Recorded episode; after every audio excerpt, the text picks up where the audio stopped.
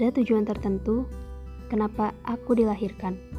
Dari rahim mana aku keluar disambut dunia? Bagaimana keadaan saat aku pertama kali merasakan atmosfer kehidupan? Perlakuan apa yang aku dapat ketika pada akhirnya keberadaanku menjadi benar-benar ada? Semua hal pasti bertujuan. Ada alasan. Apa? Kenapa? Bagaimana? Semua ada jawaban.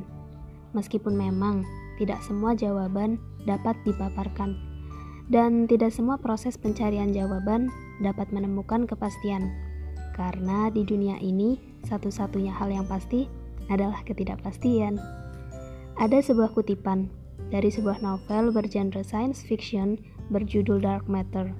Aku agak lupa, tapi kurang lebihnya adalah bahwa beberapa hal, peristiwa, kejadian yang buruk terjadi tanpa aba-aba, tanpa peringatan. Tidak ada yang memberitahu apakah kita sedang berdiri di atas jurang, dan mungkin karena itu tragedi menjadi begitu tragis. Memang betul, memang sudah sifat dari tragedi itu sendiri, tragis. Dan alasan kenapa tragedi bersifat tragis, ya adalah karena tidak adanya peringatan bahwa suatu hal yang sangat buruk akan terjadi. Kalau tragedi adalah sebuah deterministik, maka siapa-siapa saja tidak akan lagi dapat berkutik, bahkan untuk sekedar mengkritik. Kalau tragedi adalah sebuah probabilistik, siapa pun dapat mengkritik, meskipun ketika sudah terjadi, tetap saja tidak dapat berkutik. Terlepas dari deterministik atau probabilistik suatu peristiwa terjadi, tidak ada yang tahu kan?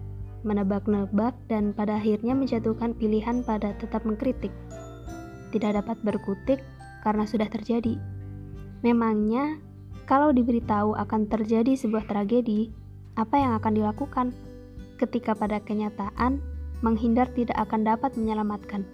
Alias, ya memang sudah menjadi ketetapan bahwa tragedi itu akan tetap terjadi.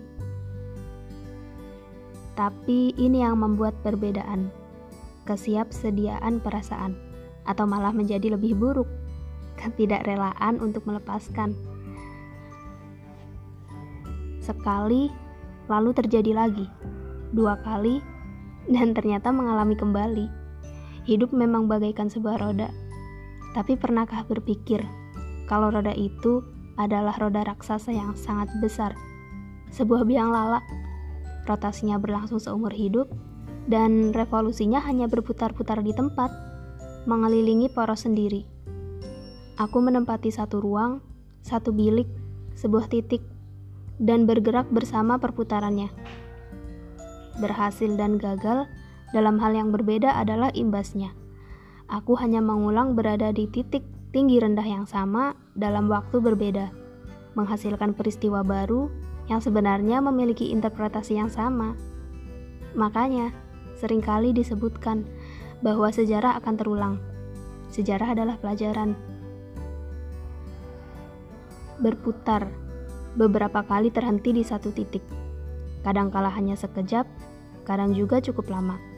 Sesekali di titik tertinggi, sekali di titik terendah, beberapa kali di titik-titik bukan tertinggi dan bukan terendah yang tak terhingga banyaknya. Lalu kembali bergerak bersama putaran biang lala mengulang hal yang sama dalam bentuk yang berbeda. Bertanya-tanya pada diri sendiri, pada orang lain, pada alam, pada pemilik segala yang sudah lebih dulu ditanya.